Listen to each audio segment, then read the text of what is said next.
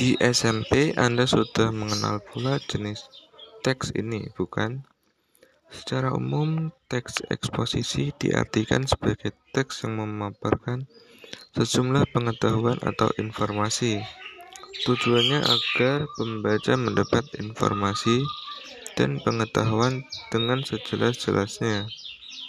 Teks eksposisi sering kali dilengkapi dengan pendapat para ahli contoh, dan fakta-fakta. Bahkan dapat pula dilengkapi dengan media-media visual seperti tabel, grafik, peta, dan yang lainnya. Memaparkan menyajikan sejumlah fakta. Pembaca memperoleh pengetahuan wawasan.